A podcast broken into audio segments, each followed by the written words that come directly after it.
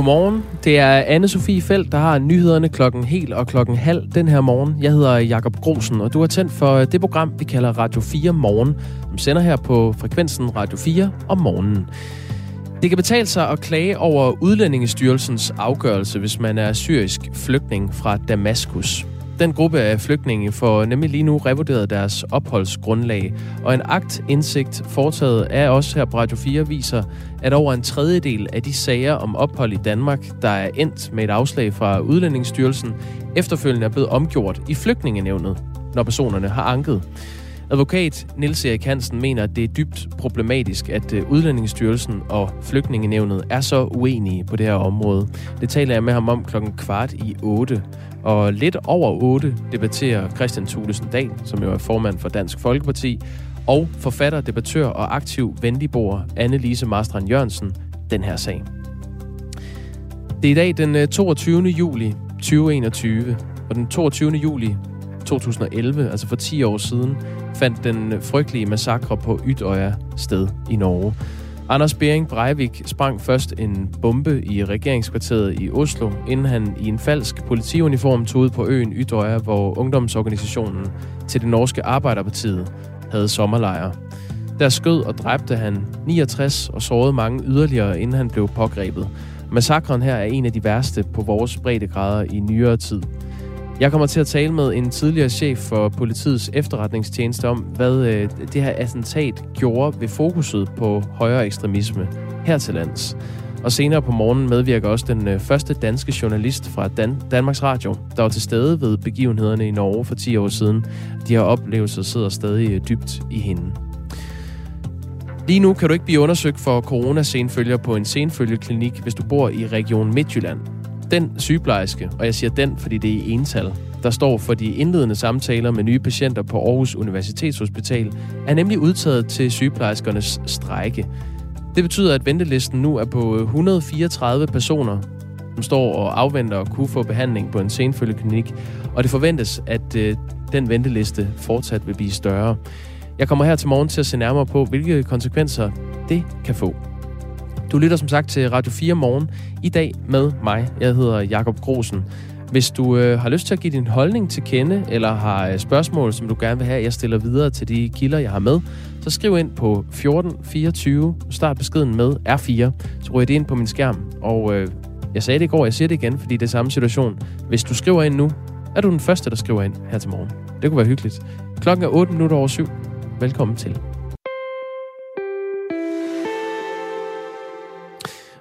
Jeg lægger ud i Varde Kommune, hvor man øh, tager konsekvensen af, at de unge mennesker, som øh, ellers har boet i Varde Kommune, flytter til større byer.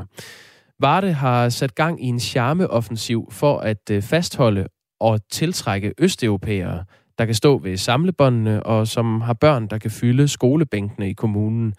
Varde Kommune har sat penge af til at hjælpe de østeuropæiske tilflyttere på plads, blandt andet ved at tilbyde hjælp til at få en bankkonto, en nem idé og forsikringer. Anders Christian Linde er viceborgmester for Venstre i Varde Kommune. Godmorgen. Godmorgen. Hvorfor vil I gerne have flere østeuropæere til Varde?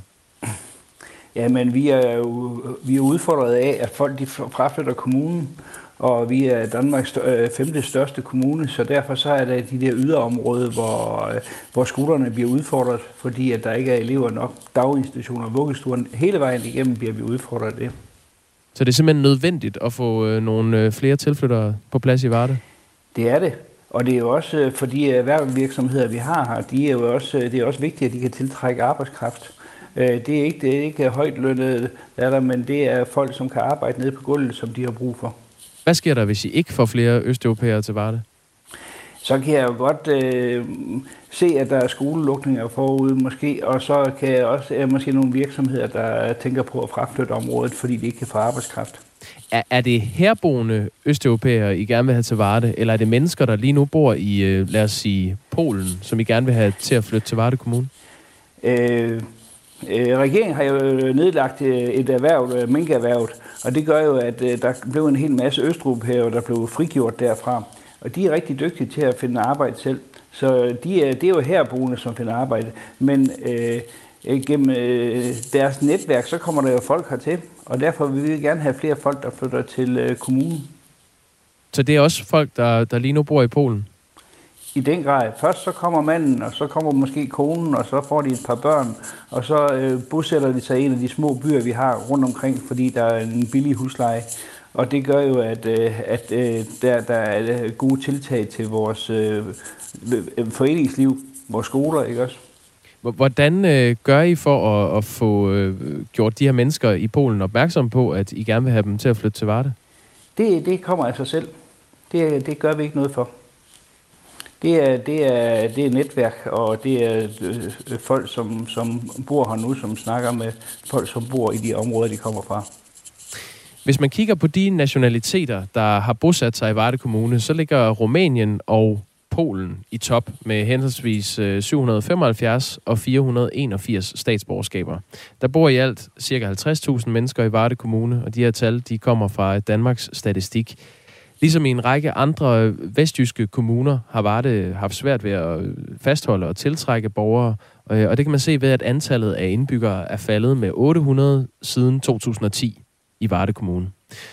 Anders Linde, altså viceborgmester for, for Venstre i kommunen. Vil det ikke være nemmere at få de unge, der flytter fra byen, til at blive, i stedet for at hente medarbejdere øh, og borgere fra Polen?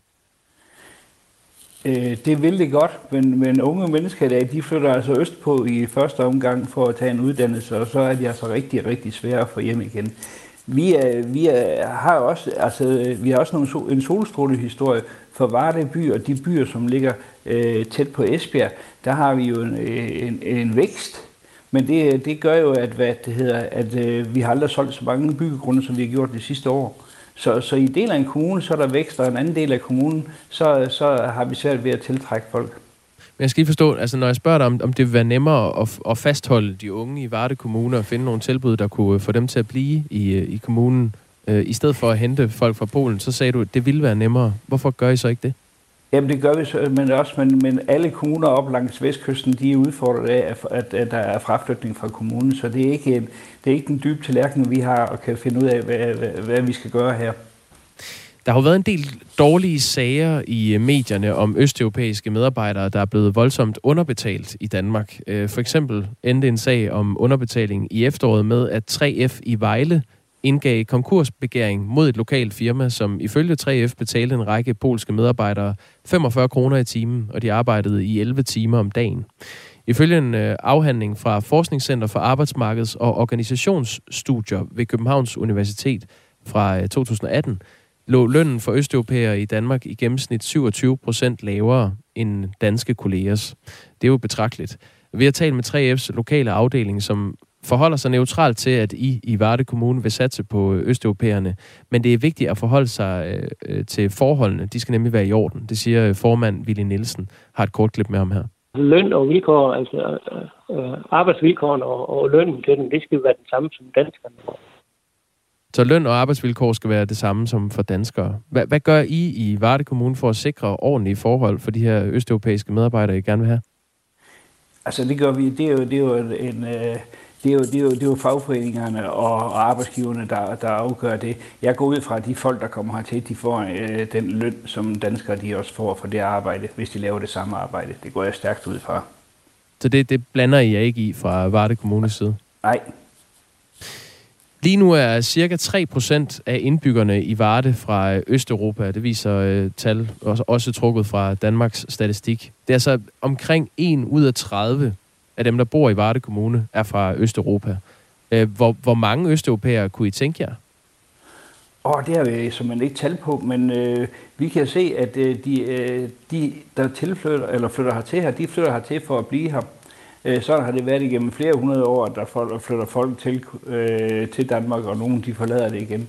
Og, og så bliver de integreret. Og det, der er vigtigst for os, det er at få dem integreret, sådan så at de... Øh, øh, måske er forældrene ikke så godt dansktalende, men de børn, som kommer hertil, de bliver, inden de kommer i skole, så, de, øh, så taler de fuldstændig rent dansk. Og det er jo det, der gør, at, øh, at vi, kan, vi kan integrere folk.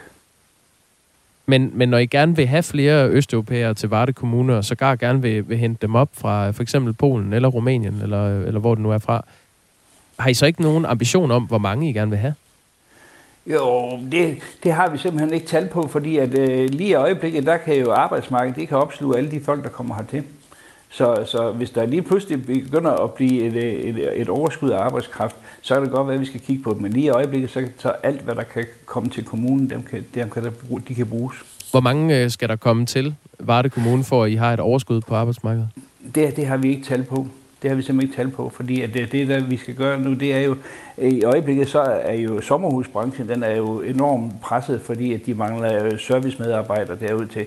Øh, og hver eneste dag, så er der jobannoncer på, at der, der er brug for folk derude, så det tager vi lige så stille hen ad vejen. Hvor mange mangler I? Det har vi ikke tal på. I, I har ikke tal på, hvor mange I mangler, og I har ikke tal på, hvor mange I gerne vil have? Ja, det, det, det, er jo, det er jo også øh, noget med arbejdsgiverne, der, der, hvor mange de skal bruge, ikke også, og det har vi simpelthen ikke tal på. Så der er, der er fair game, og dørene står åbne? Det, det, er, det har jo også noget at gøre med, at, øh, at, at sommerhus, det er jo blevet, i, i stedet for at være en sæsonbranche, så er det blevet en helårsbranche. Så derfor selvfølgelig er der, og, og, øh, hvor der er ekstra pres på her om sommeren, men, øh, men sommerhusene de bliver lejet ud hele året. Der er brug for rengøring af sommerhus, der er brug for service til de øh, folk, som kommer ud og bor i sommerhusen hele året også. Det er jo en interessant historie, det her, Anders Christian øh, Linde, øh, fordi det er lidt med omvendt fortegn. At det er sjældent, man hører en øh, viceborgmester eller en borgmester i en kommune gå ud og sige, at, at vi vil gerne have flere østeuropæere til. Det er jo derfor, det er, det er sjovt at, at tale om det her. Er der noget i dig, som øh, er lidt ærgerlig over, at I er nødt til at hente østeuropæere til Varde for at ja, have nok øh, mennesker i kommunen? Ja, det er det selvfølgelig, fordi at, øh, at hvis vi kunne tiltrække øh, de unge mennesker, som fraflytter her, eller andre, så ville det også være rigtig godt. Men hvis vi kan lave en god kombination. Vi har haft østeuropæiske øh, arbejdere her i Varde Kommune i rigtig mange år på grund af landbruget. Så jeg siger rigtig mange år. Nogle af dem de har boet her i 15-20 år så og blevet integreret. Så derfor så, øh, så øh, øh, dem, som kunne være lidt skeptiske over for det her, det, det kan jeg da godt forstå. Men Varde Kommune, de har haft en, øh, jeg synes, at vi har haft en succes med de, de østeuropæere, vi har fået. Så det, det er ikke noget, du er ærgerlig over? Nej. Anders Christian Linde, tak fordi du var med. Velbekomme. Uh, Anders Christian Linde, som altså er viceborgmester i Varde Kommune for uh, Venstre. Klokken er 18 minutter over syv, og øh, du kan skrive ind på øh, 1424. Start beskeden med R4, hvis du har noget, du gerne vil øh, af med, eller byde ind med. Det er der en, et par stykker, der har gjort. Øh, Bjarne Holm fra Hillerød har stemt ind på den her historie og skriver, hej morgenradio. Vi må få stanset alle disse... Ja, nu læser han bare op. Vi må få stanset alle disse vækstliderlige borgmestre. De er en trussel mod miljøet, klimaet og den danske kultur, er standpunktet fra Bjarne Holm i Hillerød.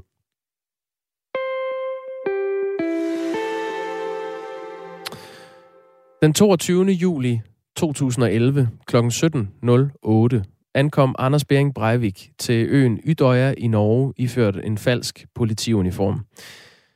Halvanden times inden havde han parkeret en øh, lejet varebil med en tons tung kunstgødningsbombe i bagagerummet ved regering, regeringskvarteret i Oslo. Bomben blev detoneret og efterlod bygningen i sprængte murbrokker. Der var otte døde ved det angreb. På Ydøja holdt Arbejderpartiets ungdomsafdeling deres årlige sommerlejr. Breivik nåede at dræbe 69 personer på Ydøja, primært unge under 18 år, og sårede mange yderligere, inden han blev pågrebet. Den her massakre er en af de værste på vores breddegrader i nyere tid, og øh, det fik fokus på højere ekstremisme til at ændre sig markant herhjemme. Det mener du, øh, Hans-Jørgen Bonniksen. Godmorgen. Jeg mener, at jeg helt klart, at det var jo en, en massakre uden lige, som er ensbetydende med, at ikke alene i Danmark, men i hele den vestlige verden, der Jamen, der skærpede man simpelthen øh, synet i forhold til øh, højere ekstreme kræfter, fordi man så et potentiale uden lige, et potentiale, som jeg i sin redsel udviklede sig den, den, den pågældende dag. Så for det øjeblik var det indiskutabelt, at der kom højere ekstremismen i hvert fald placeret højere på, på, på listen over øh, de målpersoner, som man normalt beskæftiger sig med, ja. Mm. Jeg skal lige deklarere dig, Hans-Jørgen Bonniksen, du er tidligere operativ og politifaglig leder for politiets efterretningstjeneste. Øh, du var pt chef fra 1997 og ind til midten af nullerne. Hvor stort et fokus havde I på højere ekstremisme her i Danmark, da du bestred posten som pt chef vi havde fokus på det, fordi vi havde faktisk, og det var et af de få lande i Europa, der faktisk havde en sag, som, som i hvert fald øh, fortalte os, at det var noget, man skulle være opmærksom på, nemlig en gruppe i England, Combat 18, ja, det betyder kamptruppe Hitler, det siger jo alt, at de bestilte faktisk øh, en dansker til at fremstille nogle, nogle bomber, som skulle sendes til England til personer, som øh, var fortaler for, for integrationen. Og det medvirkede PT faktisk til at afværge, og det gjorde faktisk, at man fik et meget, meget øget fokus i forhold til højekstremismen. Så jeg vil sige, at vi havde måske en fordel frem for mange andre i de vesteuropæiske lande, som jo i allerhøjeste grad ikke mindst efter 11. 9. selvfølgelig var fokuseret på den islamistiske terror, men, men, men Danmark havde faktisk, øh, på grund af de erfaringer, vi havde, måske en fortrin frem for andre. Da, da det her skete i 2011, øh, massakren på øh, Ydøje blandt andet, øh, var det så, som du så det, en del af en udvikling her i Skandinavien, øh, som måtte kulminere med, med terror på et tidspunkt? Jamen, det er jeg ikke et øjeblik i tvivl om, for det øjeblik, vi oplevede 11. i 9., der blev pludselig den svage indvandrer, han blev pludselig til den stærke muslim. Det var vi så øh, senere hen i forhold til for eksempel øh, den store indvandrere flygtningeflugt i 2015 medvirkede jo til, at øh, visse kredse i, ja, i stort set alle de vesteuropæiske samfund frygtede faktisk, at vi stod over for det, de kalder den store udskiftning, altså at vi på sigt vil opleve et Arabia baseret på sharia-lovgivning, og det medvirkede så til, at højere radikalisme, de fik altså faktisk nye vitaminer, og fik så stærke vitaminer, at de følte, at her burde man gå op mod det, som, som for dem var en trussel, og så brugte de altså desværre vold som, som, som redskab. Og vi kan jo se, det er accelereret. Altså nævner vi øh, massakren på Ydøjer, men 2019 så vi for eksempel i Christchurch i New Zealand, der så vi en lignende massakre, hvor som rettede sig imod måske, hvor 51 blev, blev dræbt og over 40 blev, blev såret. Så, så det er helt klart, og det skriver PT også i deres trusselvurderinger, at det har været en, en, en, øget, en øget aktivitet og en øget trussel lige siden. Der var jo en række eklatante fejl fra øh, myndigheder og politiet i Norge i forbindelse med det her øh, frygtelige angreb. Øh, det er noget, der blev afdækket også af en, en kommission efterfølgende. Der var, ja, det, det, var, det er næsten ikke til at bære, den læsning, der er der. Hvordan ser du på de fejl, der blev begået i Norge dengang? Jamen, hvis vi helt taget skal have noget, noget positivt ud af det, så kommer vi ikke udenom, at en, en god, grundig øh, evaluering af en sådan hændelse medvirker til, at andre tager, tager ved lære af det. Jamen, ingen, ingen tvivl om, at det var faktisk det var særdeles trist læsning. Ikke mindst fordi, at øh, man antyder jo, at man kunne faktisk afværge det angreb. Ikke mindst fordi sådan noget som fremstilling af, som jeg også nævnte, kunstgødningsbomben, hvor Breivik som en ny aktør på, på markedet pludselig leveret øh, x antal tons til sin lille ødegård. Det burde man være opmærksom på. Det ville vi have været opmærksom på i Danmark, for vi havde faktisk en aftale med kunstgødningsdistributører og kunstgødningsfremstillere, at hvis der kommer nye aktører på markedet, at der skete noget usædvanligt i forhold til indkøb af kunstgødning, da vi ved, at det har et potentiale til fremstilling af sprængstof, jamen så vil vi selvfølgelig interesseret i at få den den besked. Så vi havde faktisk på det tidspunkt forberedt, at øh, den slags ting kunne, kunne, kunne hende. Desuden ser man også i evalueringsrapporten, at, øh, at det faktisk på øh, den norske søstertjeneste spor lå en meddelelse fra polske myndigheder om, at øh, Breivik faktisk er erhvervet sig det, der hedder prekursor, altså det, der skal til for at aktivere en, en, en, en bombe. Det reagerer man ikke på. Det vil man også have reageret på i dag. Så helt klart er det en række læringspunkter, som selvfølgelig kommer til gavn i, i forhold til det, at forebygge og modvirke, øh, forhindre højere øh, terror. Ja, det er jo, det er jo sådan i optakten til, øh, til angrebet, og da angrebet så er i gang, kommer der jo også tip til politiet, som politiet ikke får reageret øh, tidligt nok på. Hvorfor er det, du mener, at, at intet af det her kunne, kunne være sket i Danmark? Jeg siger ikke, at intet kunne være sket i Danmark. Jeg vil sige, at Danmark i hvert fald på det tidspunkt var betydeligt bedre forberedt, end, end, end de norske myndigheder var. Ikke mindst i forhold til, jeg talte om kunstgødning. Jeg er også 100% sikker på, hvis det lå en meddelelse fra polske myndigheder om, at man havde en person, som øh, havde forsøgt eller fået indkøbt øh, de aggregater, der skal til for at aktivere sprængstoffer, jamen så ville man have reageret på det. Ikke mindst på grund af de erfaringer, man havde, som jeg nævnte tidligere, med hensyn til Combat 18 og den sag, vi havde i, i Danmark. Så på den måde var vi måske mere op på, på tæerne, end man var i, i Norge. Hmm. Blandt de her 69 øh, dræbte mennesker på øen Ydøja var en 43-årig dansker. Øh, to andre danskere var på øen, men overlevede. Og Anders Bering Breivik blev dømt Norges strengeste straf, som var forvaring. En fængselsdom, som konstant kan blive forlænget. Øhm, hvordan har Ydøja-massakren ændret vores øh, politimyndigheders fokus på højere ekstremisme frem til i dag? At man kan kigge på PET's trusselsvurderinger, som jo faktisk siger, at den er, er øget siden, siden pågældende dato, og den ligger i øjeblik på det, der hedder generelt. Det betyder så, mm. at det er kapacitet, og det er vilje og evne til at gennemføre sådan en angreb, men for at få forstået det, så ligger det på en skala mellem 1 til 5 på, på niveau 3. Så det giver jo i hvert fald i allerhøjeste grad en, en, en klar erkendelse af, at man er særdeles opmærksom på det her i, i Danmark. En ting, man også har gjort i, i, i Danmark, og som faktisk også har vagt international opmærksomhed, det er det, man kalder vores outreach-programmer, hvor man aktiverer så mange ude i det civile samfund som overhovedet muligt, som skal medvirke til, at danne den det her boldværk forebygger, modvirker og forhindrer uh, terror. Og der man nok erkende, der står vi faktisk også i en ganske, ganske unik position. Dermed ikke sagt, at vi ikke skal tage uh, de vurderinger, som ligger til grund alvorligt og gøre alt, hvad vi kan for at modvirke og forhindre, at, at tingene udvikler sig. Vi er heldigvis været forskånet for det siden, altså vi har set angreb mod, mod jødiske kirkegård, men, men, men det er virkelig alvorlige angreb, som for alt i verden ikke må ske. Det har vi dog trods alt ikke oplevet. Hvordan øh, mærker vi sådan konkret det øgede fokus, der er på højere ekstremisme i dag her i Danmark? Jamen helt aktuelt kan man jo for eksempel tage et eksempel her for, for, for ganske nylig, hvor, hvor en tidligere frømand faktisk øh, bliver fyret fra forsvaret, fordi han var ude og forsøgt på at, at værve folk, værve folk til øh, øh åbenbart en, en voldelig revolution. Og det er jo øh, Ved tegn en uh, Men in Black demonstration? Fuldstændig korrekt, ja. Ja, også øh, faktisk senere hen at gå ud og værve, værve en, en, en person ikke til, til en voldelig revolution. Det er jo tegn på, at man både, både for de myndigheder, som nu skal varetage deres sikkerhed opmærksom på det, men jeg mener også generelt, generelt er den danske befolkning også bevidst om, at man skal markere over for, for ganske usædvanlige hændelser i sine omgivelser. Det er kun dem, der kan det, og selvfølgelig have den store tillid til PET, at man tør overret henvendelse til dem.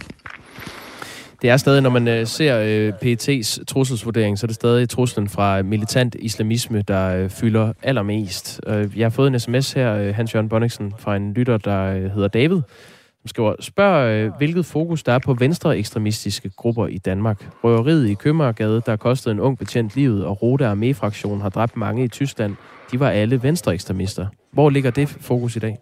Jamen jeg vil sige, at når, når PT kigger på ekstremismen, så er det jo fuldstændig ligegyldigt, om den er, den er venstre eller højre eller religiøs øh, drejet. PT's opgave er jo netop præcist at være opmærksom på øh, ting, som kan medvirke til landslag mod, mod det danske demokrati. Så venstre ekstremismen indgår selvfølgelig også i PT's øh, overvågning. Men jeg vil dertil at sige, at, øh, at det, står, det står i hvert fald ret, ret, ret, ret svagt med hensyn til, øh, til aktiviteter, med hensyn til kapaciteter, med hensyn til hensigt, i hvert fald set i forhold til den islamistiske og set i forhold til den højere ekstremistiske terror. Men man har fokus på det, kan jeg garantere for. Har du et bud på, hvorfor det ser sådan ud, at den øh, højere ekstremistiske terror er mere præsent? Jeg ved, at øh, det er betydeligt mere diffuse dagsordner, og meget svært at finde en, en egentlig dagsorden, som man kan blive, blive, blive enige om på, på det venstre ekstremistiske fløj. Måske et område, som, som tegner sig, måske kommer til at tegne sig betydeligt stærkere i fremtiden, det er måske det, man kalder den øh, økologiske terrorisme. Det er det eneste område, jeg kan se, at det virkelig, virkelig er et punkt, som de kan blive enige om, og som kan medvirke til, at man mobiliserer de kræfter og den kapacitet og den hensigt, det skal til for at begå terror. Men, men det er man også opmærksom på. Det her, det skete for 10 år siden i dag, og det er derfor, vi øh, tager det op her i, i Radio 4 morgen. Øh, Hans-Jørgen Bonniksen, har du et bud på, hvordan øh, Norge står rustet i forhold til at, at modgå sådan et uh, muligt angreb igen?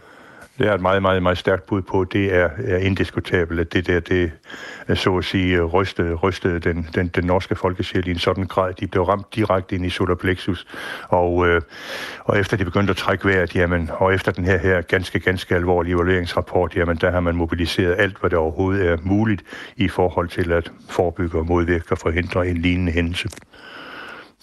Hans Jørgen Bonniksen, altså tidligere operativ og øh, politifaglig leder for politiets efterretningstjeneste. Tak fordi du var med. Ja, velbekomme. Vi nærmer os et øh, nyhedsoverblik med anne Sofie Felt. Det indfinder sig her om et halvt minut. Øh, på den anden side af det, altså fire minutter over halv otte, går jeg ombord i øh, historien om, øh, hvad der sker, hvis du lige nu mener, at du lider af øh, coronasenfølger og øh, godt kunne tænke dig at blive behandlet på en senfølgeklinik, hvis du bor i Region Midtjylland.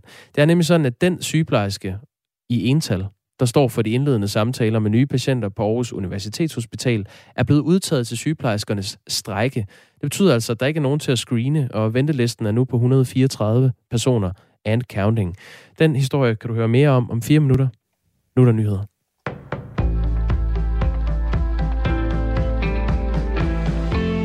Sygeplejerskernes strække har udskudt behandlingen af mange tusinder af patienter. Mere end 42.000 behandlinger eller andre aktiviteter for patienter er blevet udskudt i løbet af den seneste måned, hvor strækken har stået på. Det viser tal fra de fem regioner. Mindst 6.000 af de udskudte behandlinger er kirurgiske, mens resten er ambulante, der betyder, at patienten ikke er indlagt. Ifølge sundhedsøkonom Jakob Kjellberg fra VIVE, det Nationale Forsknings- og Analysecenter for Velfærd, så er de udskudte behandlinger dog ikke kritiske for sundhedsvæsenet. Det er da frustrerende for de patienter, der skulle have været inde og, og havde sat sig op til det. Men man må sige, at i forhold til det samlede produktion af ambulante kontakter, som jo ligger på mange millioner hvert år, altså flere hundrede tusind om ugen, som jeg husker det, er det et ret forholdsvis begrænset tal. Han siger, at sommerferien i forvejen ligger en dæmper på antallet af planlagte behandlinger. Derfor vil strækken først for alvor kunne mærkes på hospitalsgangene, hvis den fortsætter hele august og ind i september, siger Jakob Kjellberg. Det er i dag 10 år siden, at norske Anders Bering Breivik i klædt politiuniform skød og dræbte 69 mennesker på øen Ytøya. Kort tid inden stod han bag en voldsom bombeeksplosion i regeringskvarteret i det centrale Oslo, der dræbte otte mennesker. Og her 10 år efter kæmper mange af de overlevende og deres forældre stadig med symptomer på posttraumatisk stress. Det siger Tine Jensen, der er professor i klinisk psykologi ved Universitetet i Oslo og National Kundskabscenter om vold og traumatisk stress. Sammen med et forskningsteam har hun på fire tidspunkter efter angrebet undersøgt, hvordan det har påvirket de overlevende og deres forældre. De seneste tal viser, at over en tredjedel af de unge stadig kæmper med symptomer på posttraumatisk stress. Tallene viser også, at en ud af fem af forældrene til de overlevende har posttraumatiske stresssymptomer. Kina afviser en plan fra Verdenssundhedsorganisationen WHO om næste fase i undersøgelserne af coronavirusets oprindelse. Planen indeholder blandt andet en hypotese om, at viruset ved et uheld kan være sluppet ud fra et kinesisk laboratorie. Vi vil ikke acceptere dette forsøg på at finde frem til oprindelsen, da det på nogle områder fraviger almindelig sund fornuft og videnskab, siger Sen Jising, der er viceminister i Kinas nationale sundhedskommission.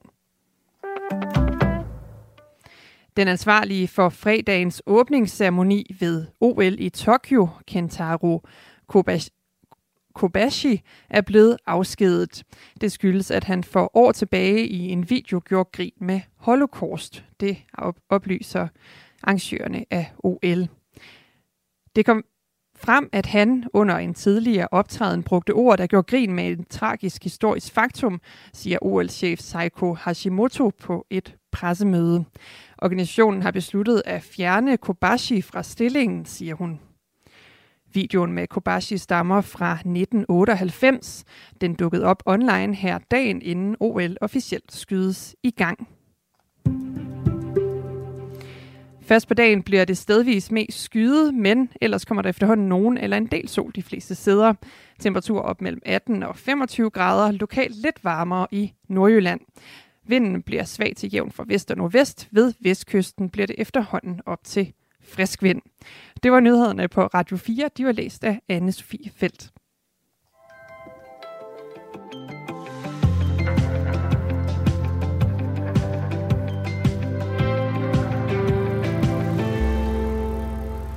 Hvis man bor i Region Midtjylland og lider af senfølger efter coronavirus, så kan man ikke blive undersøgt på en senfølgeklinik lige nu.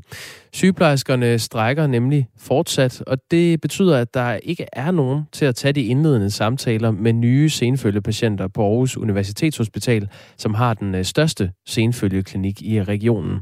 Der er også en klinik i Herning i Region Midtjylland, men den har en lav kapacitet og er pt. fyldt op. Derfor er ventelisten nu på 134 personer, og Aarhus Universitetshospital forventer, at den kommer til at stige endnu mere. Jane Agergaard er øh, afdelingslæge og specialist i infektionssygdomme på Aarhus Universitetshospital. Godmorgen. Hmm. Jeg skal se, Jane. Er med fra starten der. Er du med der, Jane Agergaard? Ja. Nå, ja. det er godt du. Afdelingslæge og specialist i infektionssygdomme på Aarhus Universitetshospital. Hvilke konsekvenser har det for dem med coronasenfølger, at sygeplejerskerne strækker? Jamen, det har jo øh, den konsekvens, at, øh, at vi ikke kan tage nye patienter ind lige nu. Ja, og, og hvad betyder det så for dem, der har coronasenfølger og ikke kan få behandling? Øh, hvis man øh, står på ventelisten, så er det jo sådan, at hvis man har noget akut, så skal man henvende sig til en vagtlæge eller sin egen læge i den periode, man står på ventelisten. Øh, vi er jo som øh, infektionsklinik, som senfølgeklinikken er en del af, øh, udtaget til strække, øh, og derfor kan vi ikke øh, tage de ikke akutte ting ind aktuelt. Hvad, hvad ser man som ikke akut, og hvad er akut, når man taler corona-senfølger? Altså coronasenfølger anses ikke som en akut øh, tilstand. Altså øh, der, hvor man skal indlægges øh, med, med livstruende eller førlighedstruende øh, symptomer, der, der skal man selvfølgelig behandles med det samme. Ja, altså øh, det kan undre, når man øh, hører den her historie, at, øh, at man taler om en sygeplejerske i ental. Altså, at den sygeplejerske, der tager de indledende øh, snakke på, øh, på den her senfølgeklinik ved Aarhus Universitetshospital, hvor du jo er afdelingslæge, det, øh, det skal vi lige have, have helt klart, at der kun er én mm. til at tage de, de øh, snakker, og at hun så er i strække. Hvorfor er der kun én? Der, ej, der er vi har flere sygeplejersker øh, tilknyttet, og det er jo fordi, at infektionsklinikken generelt er udtaget til strække, øh, og senfølge patienterne er, er et ambulant spor, ligesom i infektionsklinikken. Og de sygeplejersker, der så er, har det akutte beredskab, de tager sig kun lige nu af de patienter, der er akut syge. Okay, og det er derfor, at alle de sygeplejersker, der skulle tage de her øh, øh screening-samtaler med folk, som ja. skulle på yeah. coronasenfølgeklinikken, Ja. De er alle sammen strækkende lige nu. Ja, og øh, vi, vi, er der, vi, vi er jo meget interesserede i at støtte op omkring sygeplejerskerne, og vil rigtig gerne, at de får mere løn og bedre arbejdsvilkår. Men samtidig så øh, er vi jo også et personale, der igennem de sidste halvanden år har øh, haft meget at se til, fordi vi er corona-afdelingen. Og derfor øh, synes vi da også, at det kunne være rigtig skønt, hvis man snart fik en løsning på konflikten. Kunne I ikke få en anden til at, at have de her øh, indledende samtaler med, øh, med patienter, der skal på senfølgeklinik? Det kunne man måske godt, men det er jo skruebrækker i. Det, øh, det, det, det gør vi jo ikke. Hvad betyder mest, hvis man sådan skærer det lidt hårdt op, at, at sygeplejerskerne får mere i løn, eller at dem, der lige nu ligger derhjemme med coronasenfølger, kan blive behandlet? Det, det er jo en, øh, en politisk øh, beslutning, at, øh, at man må se at få løst øh, øh, problematikken, så, så vi igen kan tage alle de ambulante patienter ind. Hmm. Cirka 5.000 sygeplejersker har siden den 19. juni været udtaget til strække, og tidligere på ugen besluttede Dansk Sygeplejeråd at udvide den strække, så fra den 17. august vil der være 225 sygeplejersker, som tilslutter sig strækken, og så dermed færre i sundhedssystemet. Hvad kommer det til at betyde, at, at den her venteliste bliver større og større? Nu sagde jeg indledningsvis, at der lige nu er 134 personer på listen. Ja, altså øh, knap, måske knap de 100 af dem er nogen, der, der direkte er enten øh, aflyst eller ikke kan få tid øh, nu her. Men, men det betyder jo, at vi får en stor venteliste og, og får en udfordring som personale her hen over efteråret. Øh, at øh, vi skal have alle de her patienter ind, og samtidig så øh, står vi jo i en situation, hvor øh, særligt de øh, borgere, som ikke er vaccineret, det er præcis i øh, den aldersgruppe, som vi typisk ser med senfølger herinde. Så, så vi har... Øh, Hvad er det for en, en øh, gruppe? Det, det, altså, de omkring 40-årige er, er, øh, er dem, vi får ind med senfølger. Øh, så, så vi har en... Øh, øh, vi, vi er, er, er noget bekymret over, over at, øh, at der kommer rigtig mange flere med senfølger endnu. Øh, og derfor øh, er vi lidt ked af, at øh, ventelisten bygger op. I Region Midtjylland, som det her jo drejer sig om, har der i øh, 2021 været 500 henviste borgere, som øh, lider af senfølger, og så man vurderer skal i behandling for det. Og Sundhedsstyrelsen regner med, at hver tiende, der har haft corona, udvikler senfølger. Øhm, hvad er det for nogle senfølger, de typisk lider af, dem der nu ikke kan blive undersøgt, fordi sygeplejerskerne strækker? Øh, de symptomer, som øh, de har, dem der kommer ind til os, det, det er øh, øh flere ting. Øh, de, rigtig mange af dem har kognitive problemer, øh, altså problemer med at huske og, og finde ordene, problemer med at koncentrere sig. Øhm, så er der en stor del af dem, der også stadigvæk har noget vejrtrækningsbesvær. Øh, problemer med lugt og smag kender man sikkert rigtig godt. Øh, og, og så øh, er det meget påfaldende, hvor trætte de er, de her patienter, både mentalt og fysisk. Øh, og vi har faktisk kunnet måle ved en stor del af dem, at, at de har en påvirkning af musklerne af coronavirus, som gør, at deres funktionsniveau er, er noget lavere, end, end de er vant til. For eksempel så øh, kan man øh, have været et aktivt menneske med løbeture på 10 km, og, og øh, måske kan man så øh, gå en lille tur med, i den tilstand, hvor man har senfølger. Øh, så derfor øh, vil vi da rigtig gerne have patienterne ind og, og have dem udredt, så vi kan få øh, patienterne sat i genoptræning, ja, så de kan komme tilbage til deres øh, vanlige funktionsniveau. Hvordan har du det med, at, at der er så mange patienter, der lige nu ikke kan komme til at, at blive udredt på grund af den her strække? Det er ikke noget helt øh, nyt problem, fordi vi øh, fra starten af øh, jo ikke har regnet med, at der var så mange senfølger. Øh, og vi har stået i en samme situation før senfølgeklinikkerne blev oprettet, at vi også havde ventelister. Øh, så øh, vi, vi øh, kæmper så godt vi kan øh, og, og få gjort det for patienterne. Øh, ja, som, som skal, skal gøres, øh, at de skal udredes, og det skal sættes til behandling. Jamen, det, det, men det gør I jo ikke, Jan Agergaard, fordi det kan I ikke, fordi I ikke har øh, dem, der skal tage kan, det her Vi kan ikke tage, tage ind fra ventelisten nu. Dem, der er i forløb, dem ser vi stadigvæk herinde. Og dem, ja. som øh, mangler at blive udredt og oplever nogle af de vanskeligheder, du beskrev før, kan ikke. Øh, hvordan føles det? Er det ikke en øh, frustration som afdelingslæge på sådan en øh, senfølgeklinik, at I ikke kan tage nye ind? Det er det helt sikkert. Øh, vi øh, vil rigtig gerne, at man får løst konflikten hurtigt, øh, så vi kan komme videre med at, at hjælpe de her patienter. Tak fordi du var med. Velkommen. Selv tak. Jan Agergaard, som er afdelingslæge og specialist i infektionssygdomme på øh, Aarhus Universitetshospital på den her øh, øh, corona-senfølgeklinik. Tidligere på måneden gav øh, Novo Nordisk Fonden en bevilling på øh, 39,2 millioner kroner, som skal hjælpe seks danske forskergrupper øh, til at blive klogere på, hvorfor senfølger opstår.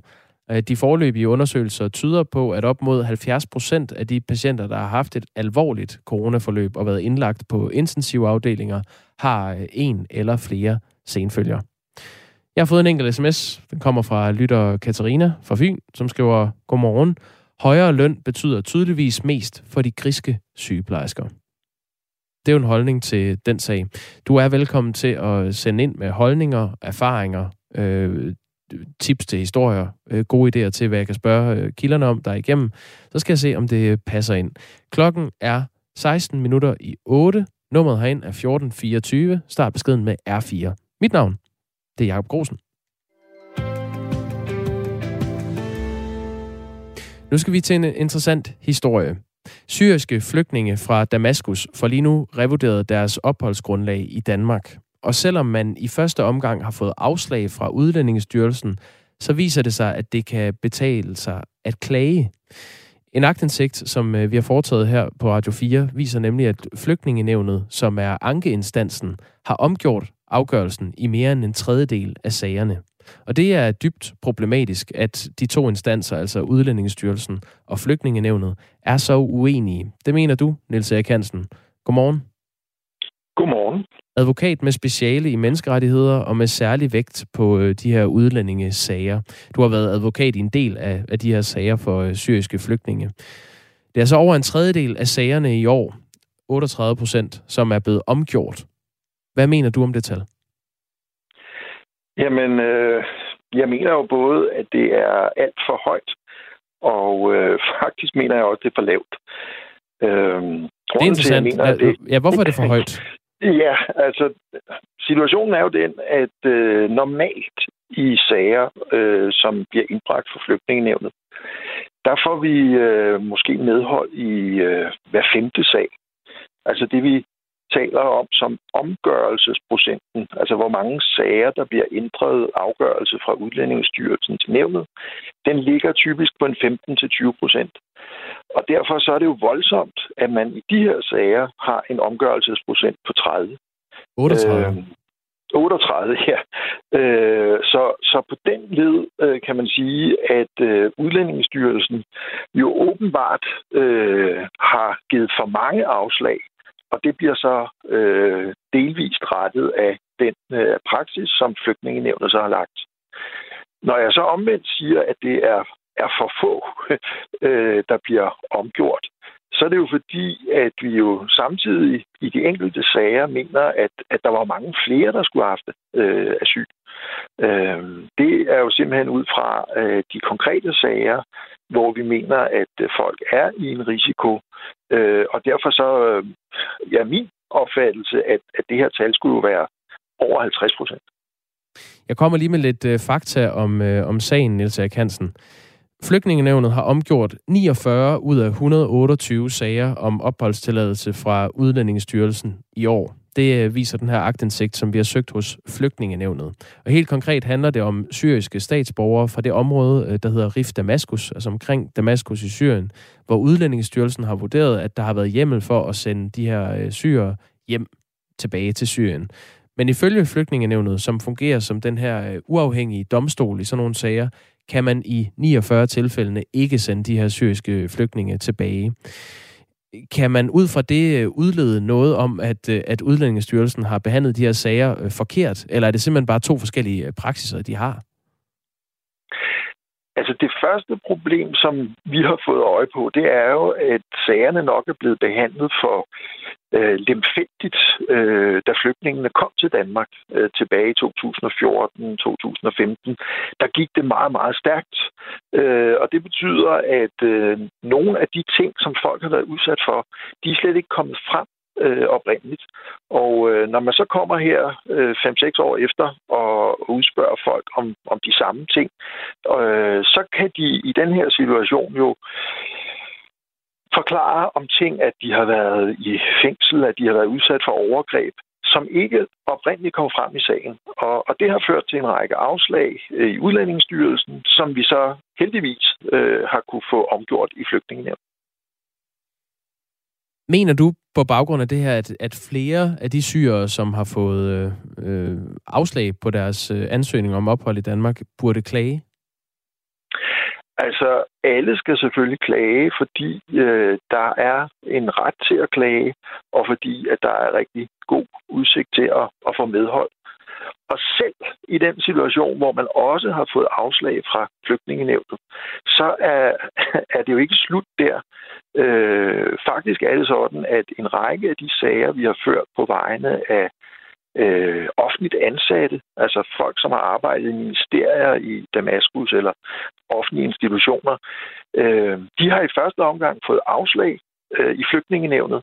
Og lige nu her i sidste uge har flygtningenevnet så oplyst, at man vil genåbne alle de her sager, fordi man har baseret dem på et forkert grundlag. Så øh, rigtig mange af dem, der, der faktisk har fået afslag, de vil nu få deres sag taget op igen og formentlig få asyl. Og dermed vil den her omgørelsesprocent så også stige yderligere. Jeg får nogle øh, spørgsmål, mens jeg taler med dig, Nils Erik Hansen, altså advokat med speciale i menneskerettigheder, og, øh, som har været involveret i flere af de her øh, sager. Øh, Paul spørger, hvem betaler egentlig dit salær? det gør staten.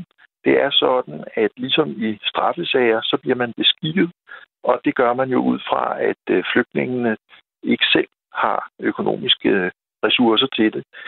De øh, får så øh, mulighed for, hvis de får afslag i Udlændingestyrelsen, øh, når sagen bliver indbragt fra flygtningenevnet, så har de mulighed for at vælge en advokat.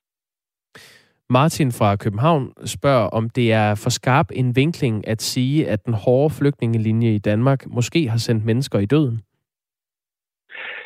Det, der betyder noget i de her sager, det er, at den danske regering har på den ene side i gang sat en proces, hvor de her forskellige myndigheder, udlændingsstyrelse, flygtningenævn osv., behandler sagerne.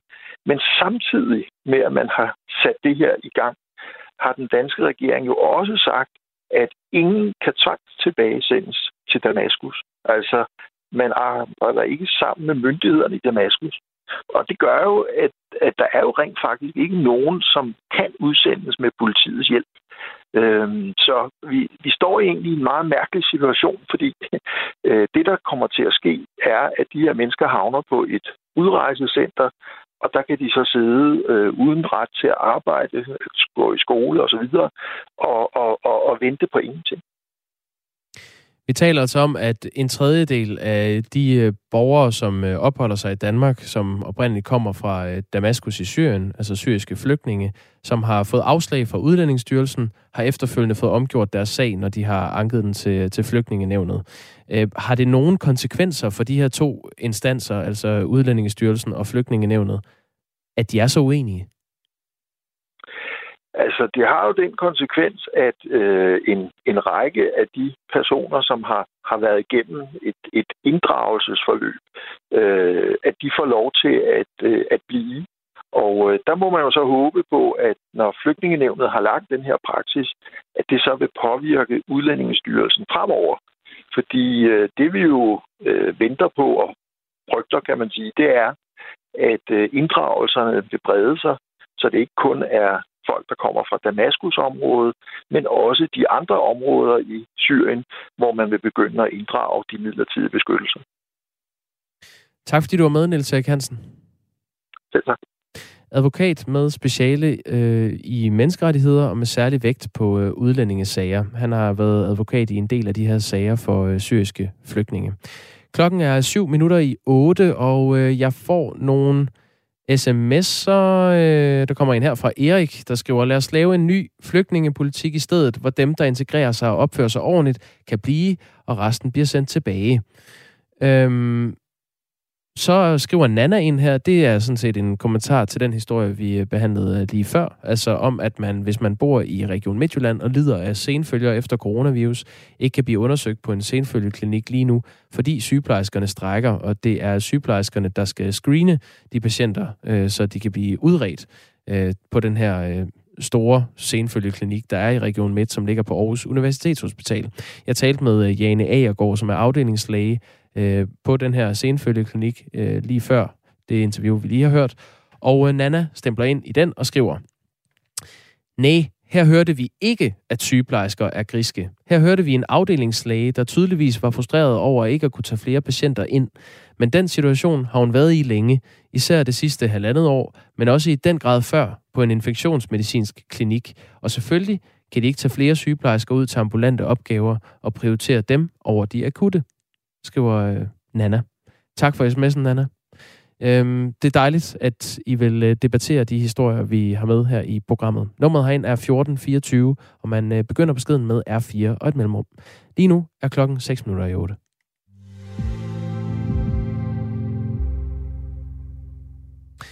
Antallet af ufaglærte i ældreplejen er stigende. Andelen af ufaglærte er steget med, øh, fra 13 procent til 22 procent de sidste fire år. Det viser en opgørelse fra fagforeningen FOA, som kalder det her stærkt bekymrende. Torben Holman er sektorformand i social- og sundhedssektoren hos FOA. Godmorgen. Godmorgen. Hvorfor er det et problem, at omkring hver femte ansatte i ældreplejen er ufaglært? Ja, det er det af to årsager. Den ene det er, at øh, dem vi så har i forvejen, som er faglærte, de får endnu flere opgaver, de skal løse. De skal løbe øh, endnu hurtigere. Men et problem, der faktisk er større, som vi skal have fokus på, det er, at den kvalitet, vi yder over for de ældre i ældreplejen, den bliver ikke af samme øh, kaliber, som det vi er vant til. Jeg tror, vi skal huske på, at ældreplejen gennem de sidste 10 år har udviklet sig rigtig, rigtig meget. Vi øh, løser mange flere sundhedsfaglige opgaver, vi laver meget mere tidlig opsporing, og vi løser mange flere opgaver, som førhen blev løst øh, på hospitalerne. De ligger nu i, i ældreplejen, så, så der er altså behov for faglærte. Og hvor, hvorfor er det, at de faglærte skal arbejde hurtigere, fordi der er kommet flere ufaglærte? Det er simpelthen fordi, der er nogle opgaver, man som ufaglært ikke kan løse, fordi man ikke har den faglige baggrund. Øh, det er medicinhåndtering, det er sårbehandling, det er tidlig opsporing, det er at komme ud til nogle af de ældre, der har det sværest, fordi man skal have en faglig baggrund for at kunne tage nogle vurderinger og også for at løse nogle opgaverne. Og det kan man altså ikke, hvis man ikke har øh, den uddannelse bag sig. Det betyder ikke, at man ikke godt kan være sød og rar mod øh, Øh, de ældre, og man også godt kan give dem en, en, en lidt mad eller forskelligt. Men der er bare mange, mange flere opgaver i ældreplejen nu her, øh, end der er for 10 år siden, og det tror vi har glemt lidt. Den her stigning svarer til, at der næsten er blevet ansat 8.000 flere ufaglærte fra år 2017 til år 2021, altså i år. Og det er langt fra ens i alle kommuner. I 30 kommuner ligger niveauet over 25 procent, og i 10 kommuner ligger andelen omkring 10 procent eller mindre end det. I Rudersdal Kommune er tallet op på 35 procent, og i Fredericia Kommune er det kun 5 procent, der er ufaglærte. Det siger noget om, om skævvridning i det her. Hvad er dit bedste bud på, at der er, er problemer med at skaffe uddannet personale? Ja, altså sige, nogle af udfordringerne er jo simpelthen, at øh, vi ikke har fået børn nok. Øh, det kan man sige, det er svært at gøre noget ved lige nu. Øh, noget det må du lige forklare. Det er svært at få folk ind på, Ja, men altså man kan sige, at øh, der er simpelthen ikke unge mennesker nok til, til alle dem, vi skal bruge på det danske arbejdsmarked i det hele taget. Og så vælger øh, de unge øh, nu jo nogle andre uddannelser end lige sosuddannelserne. Det er sådan den grundlæggende ting. Vi skal alene bruge hver 5. 16 år, hvis vi skal nå at følge med til den udvikling, der er. Vi har rigtig mange, der går på pension, så skal vi fylde dem op, så er det hver 5. 16 år. Det er rigtig, rigtig mange.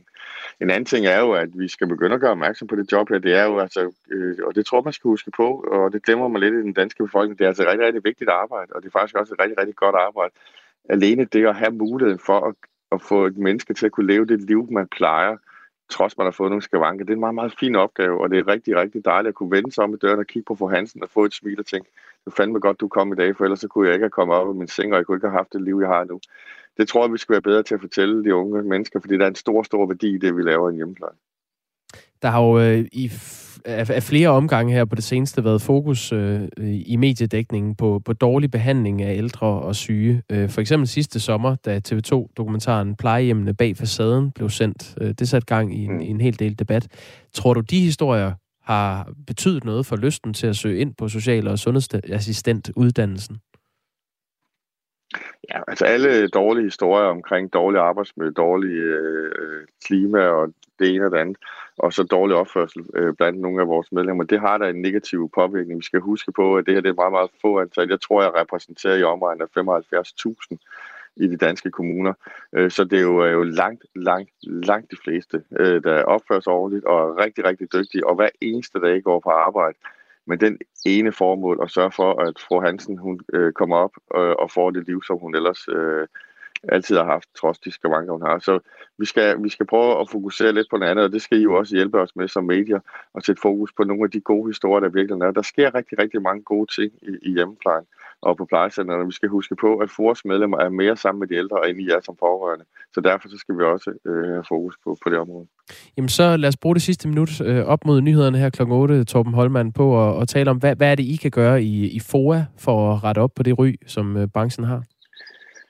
Ja, men altså vi kan sige, at vi er gået i gang. Vi har sat gang i ældretopmødet, hvor vi jo mødes øh, rigtig, rigtig mange nu her øh, i, efter sommerferien. Skal vi mødes øh, 500 mennesker igen og diskutere, hvad er det for en ældrepleje, vi gerne vil have. Hvordan er det, vi sikrer, at de medlemmer for har kommer tættere på borgeren, kan diskutere med borgeren, hvad er det, der skal ske i dag.